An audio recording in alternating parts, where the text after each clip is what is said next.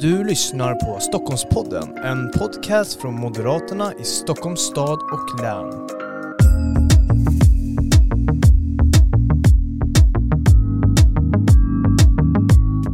Varmt välkomna till ännu ett avsnitt av Stockholmspodden. Det är hög takt på de här avsnitten nu och vi försöker täcka så mycket som möjligt. Det händer ju en hel del i, i politiken och vi har pratat tidigare, har vi ju pratat, senast det var hederskultur och hedersvåld. Eh, men idag så ska vi prata något helt annat, eh, på en helt annan eh, politisk arena. Det är nämligen så att vi ska prata om den aktuella granskningen som gjorts i KU igår. Idag är det den 4 juni då vi spelar in, så det här gjordes alltså igår, så det är väldigt aktuellt. Eh, och för att prata om det här så har vi med oss såklart Karin Enström. Du är ju utskottsordförande i konstitutionsutskottet. Varmt välkommen hit. Tack så mycket. Och eh, jag tänker att vi ska ju prata KU såklart eh, och den granskningen. Men, men innan vi går in på det så kanske vi ska kolla lite hur du mår. Det har ju varit en, en period och man, kan, man har ju följt det på, på dina sociala medier och det har varit utfrågningar på utfrågningar och man har sett dig där, suttit med en väldigt skarp blick mot eh, olika statsråd och Tegnell och bland annat och så. Hur, hur har det varit de senaste två, tre månaderna?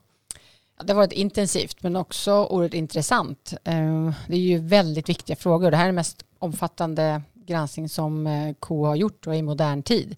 Men det är också en väldigt allvarlig situation som Sverige har gått igenom och fortsätter. Pandemin är inte slut.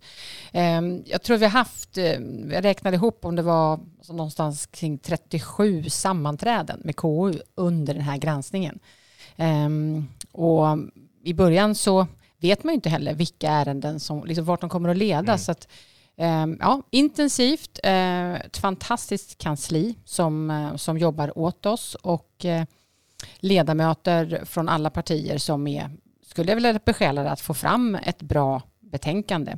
Och det är klart att jag vill rikta ett extra stort tack till mina moderata ledamöter och ehm, de som våra medarbetare Anna Jevets och eh, Johan Flodmark.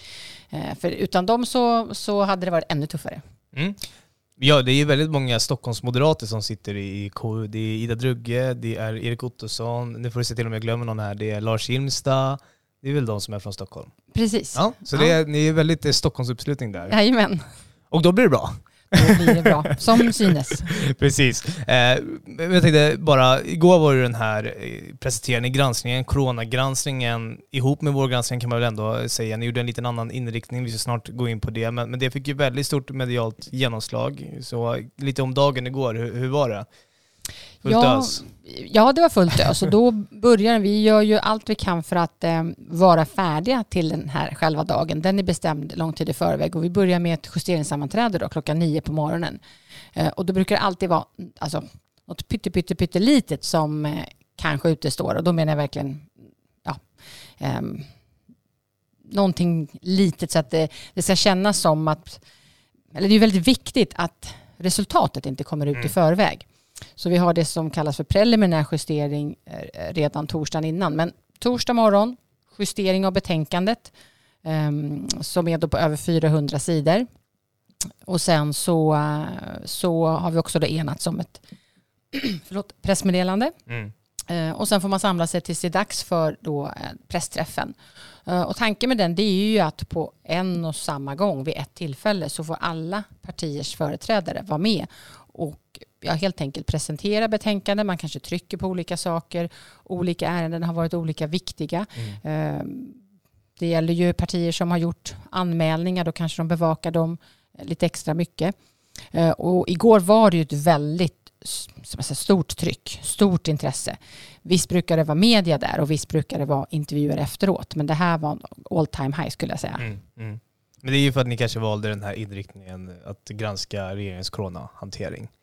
Ja, det är klart. Ja. Det är alltså, stor fråga, eh, stor granskning. Ja. Precis. Eh, jag tänkte bara där, eh, jag hade en fråga men nu glömde jag bort det så jag tänker att vi, vi går vidare men jag kanske kommer på den snart igen. Eh, men jag tycker vi ska gå in på granskningen såklart. Vi ska gå in på... Jo, nu kom jag på den. Eh, det var ju så här att förra gången så gjorde ju du och jag en hel del kring KU också. Men då var det så att på den presskonferensen, eh, var det så roligt, då la ju Socialdemokraterna också en presskonferens. Var det så den här gången också eller? de, de vågar inte det, men alltså, det hade inte förvånat mig. Men, men vi blev ganska sura förra gången. Så en halvtimme efter att vi hade startat så kallade statsministern till egen pressträff. Inte denna gång. Eh, jag tror väl inte att regeringen är så nöjd med utfallet. Mm. Nej, det ska man ju inte vara. Vi ska ju snart gå, ut på, eller gå in på det här utfallet. Och, men jag tänkte först bara, för de, de som lyssnar som kanske inte riktigt har koll på KU, konstitutionsutskottet. Det är ett väldigt komplicerat utskott får jag väl ändå säga.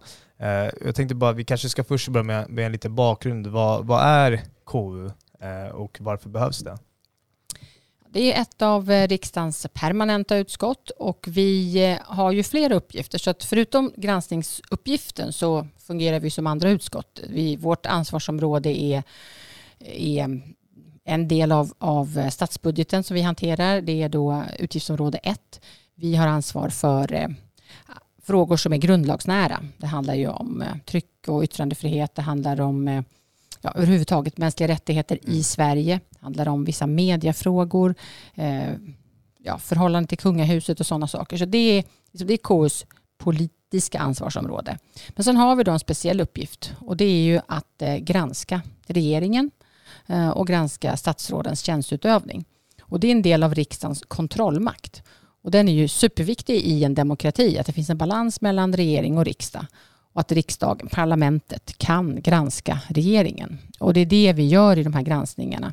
Och dels så finns det möjlighet för varje riksdagsledamot att anmäla ett statsråd eller regeringen generellt för allt ifrån något som man ser som en brist, man vill granska vidare, någon oegentlighet, ett mm. uttalande som inte är korrekt. Och sen har vi en annan del som vi brukar göra på höstarna som handlar mer om en administrativ granskning av regeringen. Vi tittar på alla regeringsprotokoll, vi tittar på utnämningsmakten och så. Ehm, så den delen skiljer sig från andra utskott och som sagt väldigt viktig del för att hålla koll på att regeringen följer eh, regeringsformen och alla andra lagar mm. och att, ehm, ja, att statsråden sköter sig helt enkelt. Mm. Precis, och jag tänker att du var inne lite på det tidigare i, när du pratade om er presskonferens. För då var det ju så att ni den här gången var samlade alla partier, var det så? Och det är ju viktigt, eh, någonting som är väldigt viktigt i KU, att ni har en enighet, eller hur? Att alla partier är med på, på båten, eller är med i båten. Ja, alla, alla partier har företrädare där och det är väl så här, när KU säger någonting och gör det enigt, mm. och särskilt om det är någon, någonting negativt, där, vi, där man kritiserar eller där man pekar på brister, då blir det så mycket mer effektfullt om alla partier står bakom. Och det är väl det som gör att vi strävar efter enighet så långt det nu är möjligt. Um, inte till vilket pris som helst, men det hörde man ju också på, på mediekommentarerna igår att ja, märk väl att det här var enigt. Det innebär alltså att hela, alltså alla riksdagens partier står bakom det här. Det är också Socialdemokraterna och Miljöpartiet. Det är regeringens eh, samarbetspartier. Mm. Um, och äh, annars är det väl lätt. Alltså folk är ju vana att höra politisk opposition, oppositionen. Vi ska ju, om inte alltid, men vi kanske i grunden är kritiska. Mm. Um, men här blir det betydligt mycket mer tyngd. Mm. Ja precis, det väger ju tyngre om Socialdemokraterna i, i KU är med på tåget när ni ska kritisera regeringens coronahantering till exempel. Det ser ju sig själv.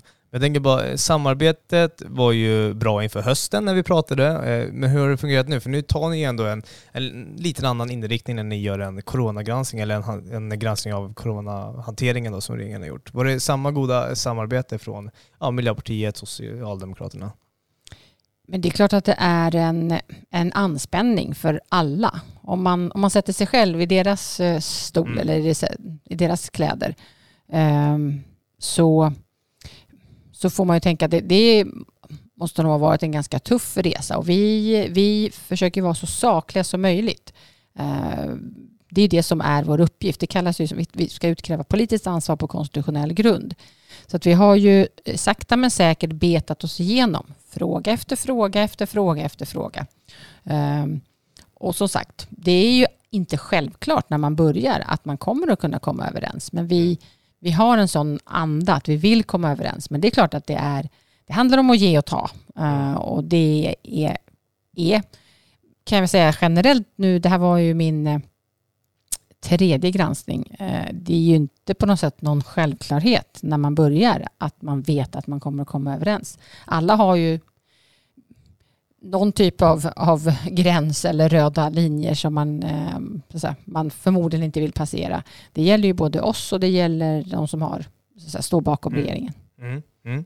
Ja, men intressant. Eh, jag tänker att vi går vidare i det här samtalet och ska gå in lite mer på granskningen men ändå inte hela vägen. Vi ska alldeles strax börja prata om de påtalade brister som ni gör. Eh, men jag tänker först, man har ju nu gjort, det är väl ändå historiskt att man gör en en inriktning som, som riktar in sig på just den här coronahanteringen som regeringen gör och det gjorde ni ju på eget initiativ. Eh, varför valde man att göra så? Ja, vi började prata om det faktiskt redan våren 2020 när, vi, ja, när, när pandemin hade eh, börjat påverka Sverige och hade pågått ett antal månader. Och där på försommaren eh, 2020 då hade vi nog inte kunnat föreställa oss att det skulle, liksom, att det skulle fortsätta, att det skulle påverka hela samhället så mycket som det har gjort. Eh, och sen på hösten så fattade vi ett formellt beslut om att vi skulle ta ett eget initiativ. Och varför gjorde vi det då mitt under brinnande pandemi? Ja, vi var överens om att vi tyckte att det här är det här är en sån omfattande, djupgående kris som Sverige inte har varit med om i modern tid. Eh, och då tyckte vi, även om det skulle bli svårt, Eh, Eh, och även om vi inte skulle bli fullständigt så kände vi ett ansvar för att det här måste vi titta på. Eh, vi hade fått in några få KU-anmälningar men var lite oroliga också att det skulle kunna bli ganska konstigt om vi skulle granska något enstaka uttalande eller något enstaka sak utan vi ville gå in på ett, på ett antal eh, liksom, områden för att kunna också se kan man dra några slutsatser generellt? Finns det några mönster? Och sen så så förutom då de här eh, vad ska säga, enstaka anmälningarna, det har vi byggt in i den här coronagranskningen. Eh, och sen har vi då som sagt eh, alla andra anmälningar. Men just coronahanteringen kom utskottet överens om i höstas. Eh, och det känns ju bra att vi har gjort det, men det har blivit också väldigt omfattande. Mm. Och vi kommer förmodligen behöva fortsätta. Ja men precis, pandemin är ju ja, inte i närheten av att sluta, även fast vaccineringen kommer igång och, och så. Eh, men sen också de effekter som det kanske ger och de man pratar ju en hel del om det här med normalläge och så vidare. Och så. Jag tänker att ni går väl in på det, ni pratar en hel del om kanske äganderätt och frihet och så vidare i konstitutionsutskottet. Så det får vi återkomma till eh, när det väl är dags för det. Men, men jag tänkte att ni gör ju den här coronagranskningen, en extremt omfattande granskning. Är det så att andra andra anmälningar eller granskningar eh, eller olika ärenden kommer bort då, då? Till exempel, man har ju valt att skjuta på PISA-hanteringen då, då, som kom upp nu här i, i våras och var väldigt eh, allvarlig, får man ju ändå säga. Och så. Är det så att coronagränsen gjort så att man var tvungen att skjuta på annat? Eh, nej, eh, man skulle kunna tro att det var skälet, men, men det är det inte, utan det är två ärenden som vi har bordlagt och det är för att det har kommit fram nya uppgifter. Och då kände vi att vi skulle inte hinna gå till botten med det här innan det var dags att, att säga, dra slutsatser och, och, knyta ihop säcken. Och då sa vi att ja, då får vi bordlägga det här. Det kommer att krävas ytterligare utredningsåtgärder som det heter på mm. KU-språk. Och det har snarare liksom med när i tiden de här nya uppgifterna kom. Eh, och det har hänt tidigare. Jag tror att det är bra för det kan framstå som väldigt märkligt om vi säger till exempel, ja, men vi, har bara, vi har bara granskat det här. Ja, men det här som kom då, ja, men det har inte vi tittat på. Mm. Det framstår också som märkligt. Um, nackdelen är naturligtvis att man skulle kanske vilja ha svar och besked eh, snabbare, men vi valde den här vägen och jag tror att det var rätt. Mm. Det eh, betyder att vi får ett till avsnitt då, då för, för Stockholmspodden i, i höst då, då, när den här PISA-hanteringen eh, ska upp på agendan. För den är ju väldigt intressant, det tycker ju vi moderater. Eh, men jag tänker att nu är det så här att nu ska vi gå in på själva granskningen. Det är liksom det goda här. Nu har vi pratat en hel del om bakgrund så, men det är ändå viktigt så, så man förstår sen också konstitutionsutskottet och vad de håller på med, eller vad ni håller på med. Men eh, nu tänker jag att vi går in på granskningen. Det är en vår och en coronagranskning som eh, är ihop då, då, kan vi väl ändå säga. Det är väl två led kanske. Det... Ja, eller så kan man säga att det, coronagranskningen är en del av vårgranskningen. Ja, men eh, om vi ska göra det enkelt. Coronahanteringen, så jag förstår, coronahanteringen är, eh, ärenden som eh, har någonting ihop med regeringens coronahantering eh, och sen har du de som inte har ihop med coronahanteringen. Exakt. Så jag tänker att vi delar upp så när vi, när vi ska diskutera här och gå igenom de olika påtalade bristerna som det heter i, i KU och inte kritik. Det är viktigt, det har jag lärt mig. Eh, men jag tänker att på, ni gjorde, det var 28 KU-anmälningar och ni påtalade ju då brister i sammanlagt 16 ärenden och i sex av de här ärendena riktar KU-kritik mot regeringens coronahantering. Lite snabb fakta där. Eh, och nu tänker jag att vi går in på själva då hanteringen och jag tänker att vi börjar med hanteringen av coronapandemin. Eh, vad, hur, hur, vad, vad kommer ni fram till där? Ja, alltså vi, vi, gör inte en, eh, vi har inte liksom skrivit en helhetsbedömning på allt som ett slutbetyg, utan man kan kanske snarare säga att vi har ämnesbetyg. Mm. Eh, så att vi har, men det, det jag sa igår på pressträffen, eh, därför att det är helt uppenbart, det är ju att om man tittar då på de ärenden som vi har tittat på, då finner vi eh, i ett flertal ärenden så finner vi ett flertal brister. Och då så, så kan jag inte säga annat än att regeringen har brustit i sin hantering av eh, coronapandemin och att det är allvarligt. Sen måste det här delas upp eh, och det är det vi kommer att göra här nu. Då går vi igenom ärende för ärende. Så sammantaget, eh, även om vi inte skriver i en mening, så, så drar jag slutsatsen att regeringen har brustit i sin hantering av pandemin. Mm. Precis som du säger, det, ni har gjort ett ämnesbetyg här och jag tänker att vi går in på de här olika ämnena då, då nu och eh, då är det den första där ni påtalar brister, det är den här utökade testning och smittspårning. Och, och, nu är det så här att man minns ju allt det här, för det är ju så närtid. Man minns ju till, om det här var ju cirka, ja men typ ett år sedan nästan exakt då, då man pratade om den här eh, smittspårningen men också den här testningen. Och eh, jag tänker att du får berätta lite där vad ni har eh, kommit fram till. Ja, som, som alla kommer ihåg så var det ju stort fokus och inte minst ifrån eh, Moderaternas sida så hade vi väldigt stort fokus på, på testning. Det var också budskap ifrån Världshälsoorganisationen att man skulle testa, testa, testa. Eh, men det visade sig att det tog väldigt lång tid för Sverige att komma igång med storskalig testning. Eh, det var oklarheter från början. Vem hade ansvar för vilken testning? Eh, det var oklart liksom, mellan stat, kommun och regioner. Det var också stora oklarheter om ersättning och det framgång, framgick väldigt tydligt när vi hade utfrågningarna. Eh, kommuner och regioner eh, vågade inte, alltså litade inte på att de skulle få ersättning för allt arbete de gjorde.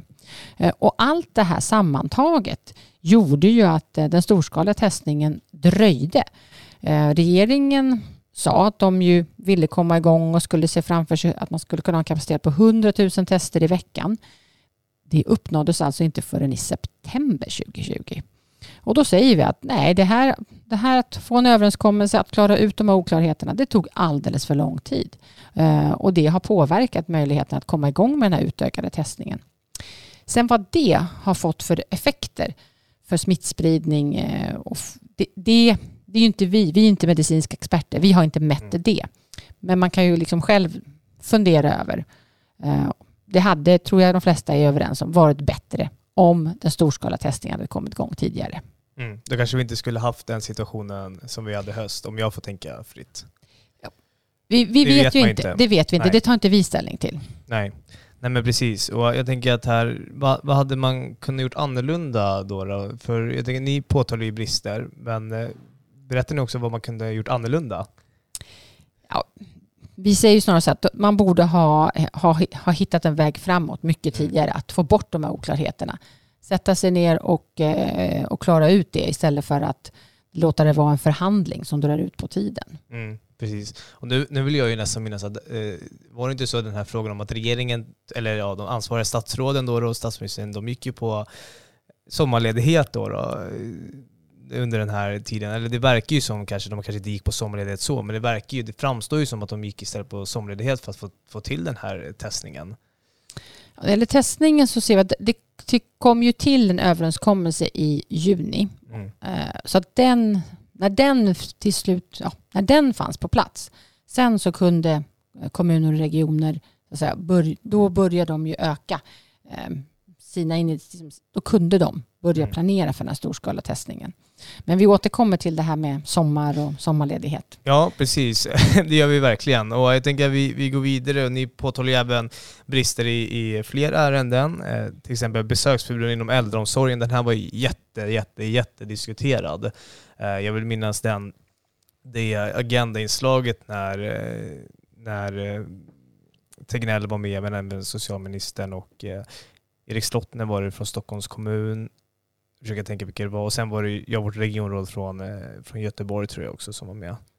Om jag vill minnas korrekt. Men mm. det, i vilka fall så var det ju väldigt stort tryck på det här med, med, med besöksförbud inom äldreomsorgen och man menade att vissa hade gjort, eh, gjort fel. Så man menade att Stockholms kommun hade gjort ett, eh, ett lagbrott till exempel och så vidare. Men vad kommer ni fram till, till i det här ärendet?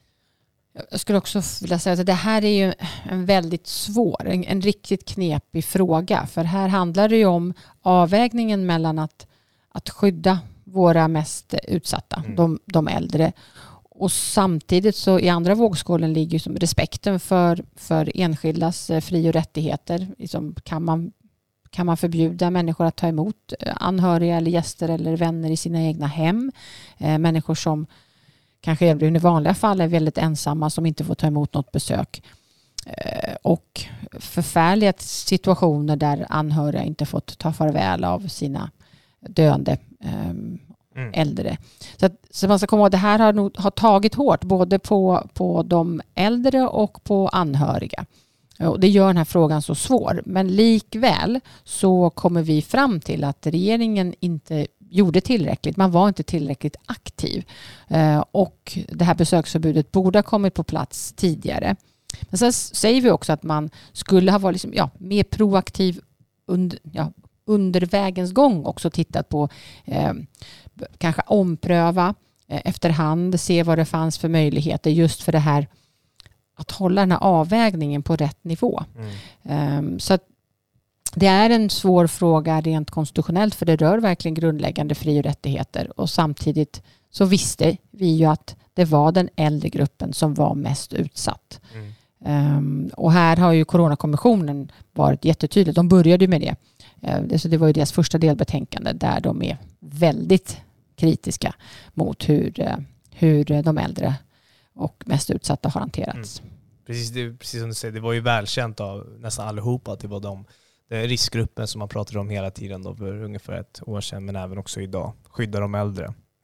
Skydda de eh, svaga helt enkelt. Eh, jag tycker vi går vidare till ett ytterligare ärende. Hanteringen av pandemilagen. Den är ju ändå rätt så färsk. Det var ju i, eller pandemilagen var uppe på agendan i, i januari tror jag det var till och med eh, senast. Och eh, jag tänker där, vilka brister påtalar ni i det här fallet? Ja, det, det är lite också kanske lite komplicerat, för det är flera steg. För att mm. eh, där ska man konstatera att det finns ju ingen lagstiftning idag som styr, så att säga, som, som eh, ger utrymme till någon speciell krishantering i fredstid, utan de lagar som finns de är kopplade till eh, krigstid, ransoneringslagen och förfogandelagen till exempel, som är lagar som är färdiga och som man kan aktivera. Eh, regeringen valde då på våren eh, 2020 att eh, göra ändringar i smittskyddslagen och med bemyndiganden i den för att just kunna sätta deltagande gränser och begränsningar eh, på olika sätt. Och man använder sig också av ordningslagen. Men regeringen sa att de, tyck, de tyckte inte att den här lagen var riktigt användbar.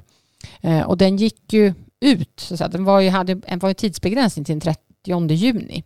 Men trots att de då sa att den här är inte tillräckligt bra, den är inte användbar, så väntar man ju tills först efter sommaren, typ efter sommarledigheten, mm. med att påbörja arbetet med en ny pandemilag. Eh, vilket gjorde att eh, det tog förmodligen längre tid att få den på plats och det blev också väldigt, väldigt bråttom. Alltså det var extremt kort tid för remissinstanser, för lagrådet. Det här handlar om svåra frågor, just de här avvägningarna. Proportionellt, liksom. får man ja, minska människors... Eh, på vilket sätt får man minska människors rörelsefrihet? Eh, demonstrationsfrihet, eh, också mm. mötesfrihet och att samlas och att röra sig fritt. Eh, så det blev superstressat eh, i riksdagen och vi fick jättekorta tider och vi samlades ju liksom, ja, innan den här, vad ska man säga, eh, jul, juluppehållet var över så samlades vi ju förtid för att få igenom den här lagen. Så där säger KU att nej, det här skulle, hade, borde regeringen ha insett att de skulle ha startat mycket tidigare. Mm. Det, när man, när det, precis som du säger, det är ju mycket hela tiden att det, det är ju, handlar om att begränsa folks vardag lite och begränsa folks frihet. Och jag tänker nu när ni i just ert eh, utskott så jobbar ni ju med de här frågorna så måste det ändå varit väldigt knepigt för er att hitta de här bristerna. För det är en liten gråzon det här. Vad, vad, vad ska man egentligen göra och hur långt kan man gå för att begränsa folk som kanske ja, men inte är i riskgrupp till exempel, eller unga människor. Det var ju hela tiden diskussionen om barn som gick på grundskolan och så vidare. Hur långt kan man gå från regeringens sida? Så jag misstänker att det var väldigt svårt för er också i att är det här en, kan man påtala det här som en brist eller var det en nödvändighet? Ja, när det gäller eh, lagstiftning till exempel, så den har ju också gått via mm. KU eh, och socialutskottet och sen naturligtvis via riksdagen. Och där har vi gjort gjort avvägningar, eller de här avväganden, men, men vi fick ju när de, liksom, inför att den lagen skulle beslutas så fick vi oerhört kort tid på oss. Och det har ju också kritiserats både av lagrådet och av KU tidigare. Mm. Eh, så det är inte en bra ordning. Um, och man ska, man ska vara väldigt försiktig för det är ju verkligen demokratins grundvalar. Det är de här absoluta fri och rättigheterna som, eh, ja, som vi är satta att värna. Och sen har vi då det andra intresset att skydda liv och hälsa och att minska smittspridningen. Så det är inte lätt, eh, lätta avvägningar. Likväl så är det regeringens ansvar. Mm, precis. Och eh, jag tänker vi gå vidare i, i ärendet. Eh, vi har regeringens agerande avseende coronastrategin också. Kan du berätta lite om det? Ja, det, det blev ju nästan en, en följetong höll jag på att säga. Vi har ställt frågan till, till eh, Ehm, flera statsråd, inklusive till statsministern. Ehm, och det bygger på en anmälan ifrån Moderaterna. För att vi, det, det gjordes en anmälan, en lite bredare anmälan eh, i, tidigt i våras som vi också har eh, haft som grund för att eh, titta på olika frågor. Och ehm, den här strategin hade ju regeringen hänvisat till i alla möjliga sammanhang. Och då ville vi gärna få reda på, ja, vad, vad är det egentligen? Vad har den för status? Är den formellt beslutad? Mm. Uh, hur, hur har den använts? Och det vi i KU kommer fram till att uh, nej, den var inte, det var inget formellt regeringsbeslut, inget regeringsbeslut överhuvudtaget. Men den har uppfattats som att den, alltså myndigheten har uppfattat den som att den skulle vara styrande. Och då säger KU, pekar med hela handen, att det finns inget konstitutionellt utrymme för regeringen att styra myndigheterna utan regeringsbeslut. Det är det ena. Det andra är att vi säger ja, en, regeringen måste inte ha någon strategi. Det, det är inget krav, det finns inget konstitutionellt krav på det. Men har man det, då ska den vara väl förankrad. Det vill säga, om inte ett formellt regeringsbeslut så i alla fall ska den ha varit på gemensam beredning och det ska kunna gå att se eh, hur det här, att alla fått lämna synpunkter. Den ska också vara det som kallas för alltså beredd, inte kopplat till beredskap utan att den har beretts. Att man har tittat ha underlag för att fatta ett sånt här beslut. Och det har vi inte heller kunnat se några som helst tecken på. Så det är ytterligare en, en brist som vi påtalar att det finns ingen dokumentation. Och hur ska man då kunna granska i efterhand? Mm. Um, så att, um, ja, um, ja det, sen blev det väl nästan lite, vad ska man säga, det, när statsministern försökte förklara att det är något vi gemensamt har kommit fram till, det har växt fram. Ja, då undrar man ju lite hur regeringsarbetet eller arbetet i regeringskansliet mm. fungerar. Mm. Precis, för den här, den här ja, man har ju trott att det har funnits en strategi. Man pratar ju hela tiden om den svenska strategin. Eh, Folkhälsomyndigheten har ju också pratat om strategi. Strategin är att vi ska uppnå immun, immunitet, liksom flockimmunitet och så vidare. Så att eh, ja, man kan ju, precis som du säger, ifrågasätta hur kommunikationen kanske har varit på regeringskansliet. Eh, och ibland kanske man också ska som regering ta kommando över landet och säga vad som gäller. Kan jag tycka. Det är min personliga åsikt. Jag tänker att vi, vi går vidare till det eh, sista ärendet och eh, då är det en hel del uttalanden under coronapandemin som ni också har eh, granskat. Eh, så här, kan man granska uttalanden? Kan man påtala brister i uttalanden? Jajamän, det kan man. Det är nämligen så att statsråds uttalanden ska vara sakliga och korrekta. Och vi ställer högre krav på statsråd än på på andra eh, politiker eller andra medborgare för den delen. Men man ska kunna förvänta sig det. Däremot så i KU har vi ju förståelse att eh, det kan vara en debatt. Man kan vara liksom en, en, polemisk situation. Så att vi har, vi har, liksom, vi har lite mer överseende om det sägs i, het, liksom i stundens hetta i en politisk mm. debatt. Ja, ta agenda eller en partiledardebatt i riksdagen. Um, men vi har fått granska ganska många alltså, Twitter-uttalanden och, och, den typen av, uh, ut, ja, även i media. Men, och då, jag tänker när man gör ett inlägg till exempel, då hinner man ju förhoppningsvis både kolla fakta och tänka efter innan. Mm. Uh, men i det här fallet när det gäller pandemin så, så är det ju där statsministern uttalar sig om olika prioritetsgrupper som skulle testas så, så stämde inte det han sa eh, vid den tidpunkten. Och samma sak gäller eh, Ann Linde som gjorde eh, flera uttalanden om, eh, om läget i Sverige eh, för den tyska eh, Deutsche Welle. Eh, och där pekar vi på att nej, det var inte korrekt vid den tidpunkten. Eh, och det är en brist och det påtalar KU. Mm. Men det har ju gjort ett gediget arbete i den här eh, coronagranskningen och eh, man kan ju läsa mer om den, eller hur? Eh. Oh ja, vi har ju dessutom fler brister. Vi har påtalat brister när det gäller skyddsutrustning eh, och eh, sjukvårdsmateriel till exempel. Vi har också tittat på distansundervisningen och där har vi en del, eh, en del medskick får man väl ändå säga. Ehm, vi tittar på samordning av intensivvårdsplatser. Där har vi ingen inga brister, men vi har, alltså gått, så vi har försökt gå igenom så många ärenden som möjligt. Mm. Allting kan man hitta eh, på riksdagens hemsida i det här stora betänkandet. Det finns en sammanfattning i början som jag verkligen vill rekommendera. Mm. Då behöver man inte gå igenom alla 400 sidor. Nej, om man inte vill det. Mm. Eh, men det, ni påtalar även också brister i, i andra ärenden eh, som inte har med coronahanteringen att göra. Bland annat justitie och migrationsminister. Eh, han har ju varit uppe på agendan eh, några gånger, eller hur?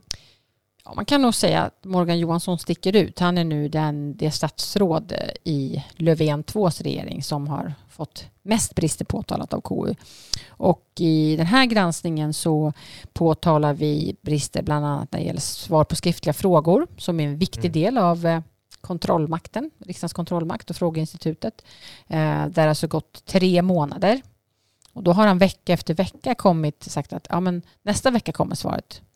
Nästa vecka kommer svaret. Nästa vecka kommer svaret. Eh, och då, ja, det är naturligtvis oacceptabelt att det dröjer tre månader. Han får, vi påtalar också brister när det gäller ett tillkännagivande som tog nästan sex år från att regeringen gjorde det till, till eller förlåt, riksdagen gjorde det till regeringen. Eh, och det, det, är all, det, tar, det är alldeles för lång tid och dessutom har han givit olika skäl till, alltså vi fick skriftliga svar om varför det hade dröjt och sen kom han på utfrågning och, och gav helt andra svar.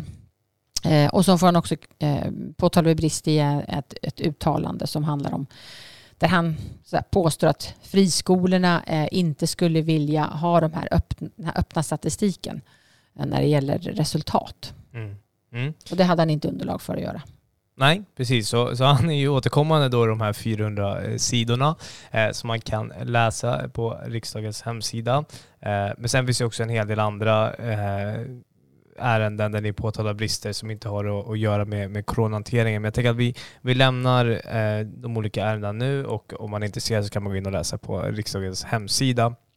Eh, för det är ju en hel del och det är väldigt viktig information det här med, med de brister som, som påtalas eh, av er också i det gedigna arbetet. Men jag tänker att vi, vi ska också kolla lite framåt här, för ja, det är ju hård kritik som ni, eller hårda, eller kan man ska uttrycka mig, det är ju väldigt många påtalade brister som ni påtalar i de här ärendena. Eh, det, de har ju, eh, väger ju tungt väger ju väldigt tungt, framförallt det som har att göra med coronahanteringen. Det är väldigt många eh, påtagliga om i de olika ärendena. Och jag tänker bara, hur går man vidare med det här nu? Eh, ni har gjort ett gediget arbete, men vad händer nu? Ehm, ja, för vår del, det som, eh, som för oss i KU står närmast på agendan, det är ju att vi kommer att eh, debattera det här och prata om det här i kammardebatt ehm, den 14 juni. Ehm, men i övrigt så, så ser jag framför mig att det här kommer ju då skickas som en, till regeringen och så får regeringen och regeringskansliet respektive alltså ansvarigt departement mm. får gå igenom vad KU säger och skriver i de olika ärendena. Och förhoppningsvis så tar man det till sig. Man ska ta till sig det som KU säger. Eh, och att man lär inför framtiden. Ehm, sen är det inte KU som, som säga, eh, säger exakt. Det är ju upp till varje parti sen om man skulle säga, vilja använda det här på annat sätt. Och vi drar en hel del slutsatser som också kan vara intressanta för, för, för framtida krishantering, mm. för um, ja, hur man ska kunna bygga upp en så kallad författningsberedskap för att vara bättre rustad inför nästa kris. Och det hoppas jag att, eh, att det kan också vara, tjäna som en vägledning och inspiration för fler partier. Eh, och så kan det vara ett sätt att ytterligare utkräva ansvar. Men det sker då, det kan ske på andra sätt eh, än att Alltså KU tar inte initiativ till det utan vi lämnar det här över betänkandet och sen så blir det upp till eh, partierna och till regeringen hur man ska ta det till sig. Mm. Vi får ju hoppas att de tar till sig det som de får, det underlaget. Men jag tänker också så här, ni kommer ju fortsätta nu med granskning. Det är ju en höstgranskning också. Kommer den också inslag av coronahanteringen eller stoppar den nu, vila lite? Ja, vi, vi, vi, ser väl framför oss, det här var så pass omfattande. Vi mm. gjorde ju en vårgranskning i höstas. Eh, så att planen är att vi har en lite mer traditionell administrativt inriktad granskning i höst. Vi har inte lagt fast vilka eh, ärenden eh, exakt som vi ska, eller som vi ska hantera. Eh, och sen så ser vi att vi behöver fortsätta granskningen av eh, regeringens hantering av pandemin. Eh, och det blir då ämne för det och annat blir ämne för nästa vårgranskning och den blir ju kanske ännu mer bevakad och ännu mer känslig i och med att det då är så nära valet. Precis, och den ska vi följa upp. Men jag tänkte att vi, vi ska börja avrunda, men en fråga till dig. För du är ju moderat riksdagsledamot. Eh, vad tycker du om, om det slutresultat som, som ni har nu levererat i, i granskningen? Om du ser ur det moderata perspektivet. Eh, jag skulle vilja säga att det är tydligt att eh, Sverige saknar ett starkt politiskt ledarskap under framförallt den här krisen. Eh, vad säger du om det? Man, man tar på ett mer generellt plan, om jag ska prata mm. mer som du säger som moderat riksdagsledamot. Nej, men jag, jag tycker väl att den här granskningen ju visar, och det behöver man inte vara moderat för att se, för att se eller säga, eftersom det har faktiskt alla partier ställt sig bakom, att um, att eh, regeringen inte har eh, skött det här tillräckligt bra. Sen ska vi komma ihåg att det är en, en svår situation. Eh, en situation som så att säga, ingen i modern tid hade kanske kunnat föreställa sig även om det har funnits scenarier och man har jobbat med olika typer av ja, ja, hur, ska, hur ska man agera under en pandemi.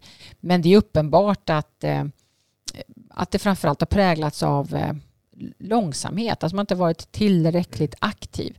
Um, och det, det, blir väldigt kontrafaktiskt. Man skulle, vad skulle ha hänt om vi hade haft en annan regering? Det är ju omöjligt att säga. Eh, och det var väl uppenbart i början också att där fanns det hos alla oss, liksom alla politiska partier, en, en osäkerhet för att det här var någonting helt nytt. Men nu känns det ändå väldigt tillfredsställande. Vi har gjort den här granskningen och vi är samtliga politiska partier som är överens om att på område efter område så har inte regeringen eh, skött det här på ett tillfredsställande sätt. Mm. Och med de orden så avrundar vi nu det här poddavsnittet för Stockholmspodden. Jag vill tacka dig Karin Enström för att du kom hit till Stockholmspodden eh, och även stort tack till dig som lyssnat. Och jag vill slå ett slag för att om man vill läsa granskningen och fördjupa sig ännu mer så finns den då på riksdagens hemsida. Eller hur? Det stämmer, det heter KU20. KU20. Eh, med det sagt får jag önska dig en fortsatt trevlig dag eller kväll beroende på när du lyssnar. Hej då!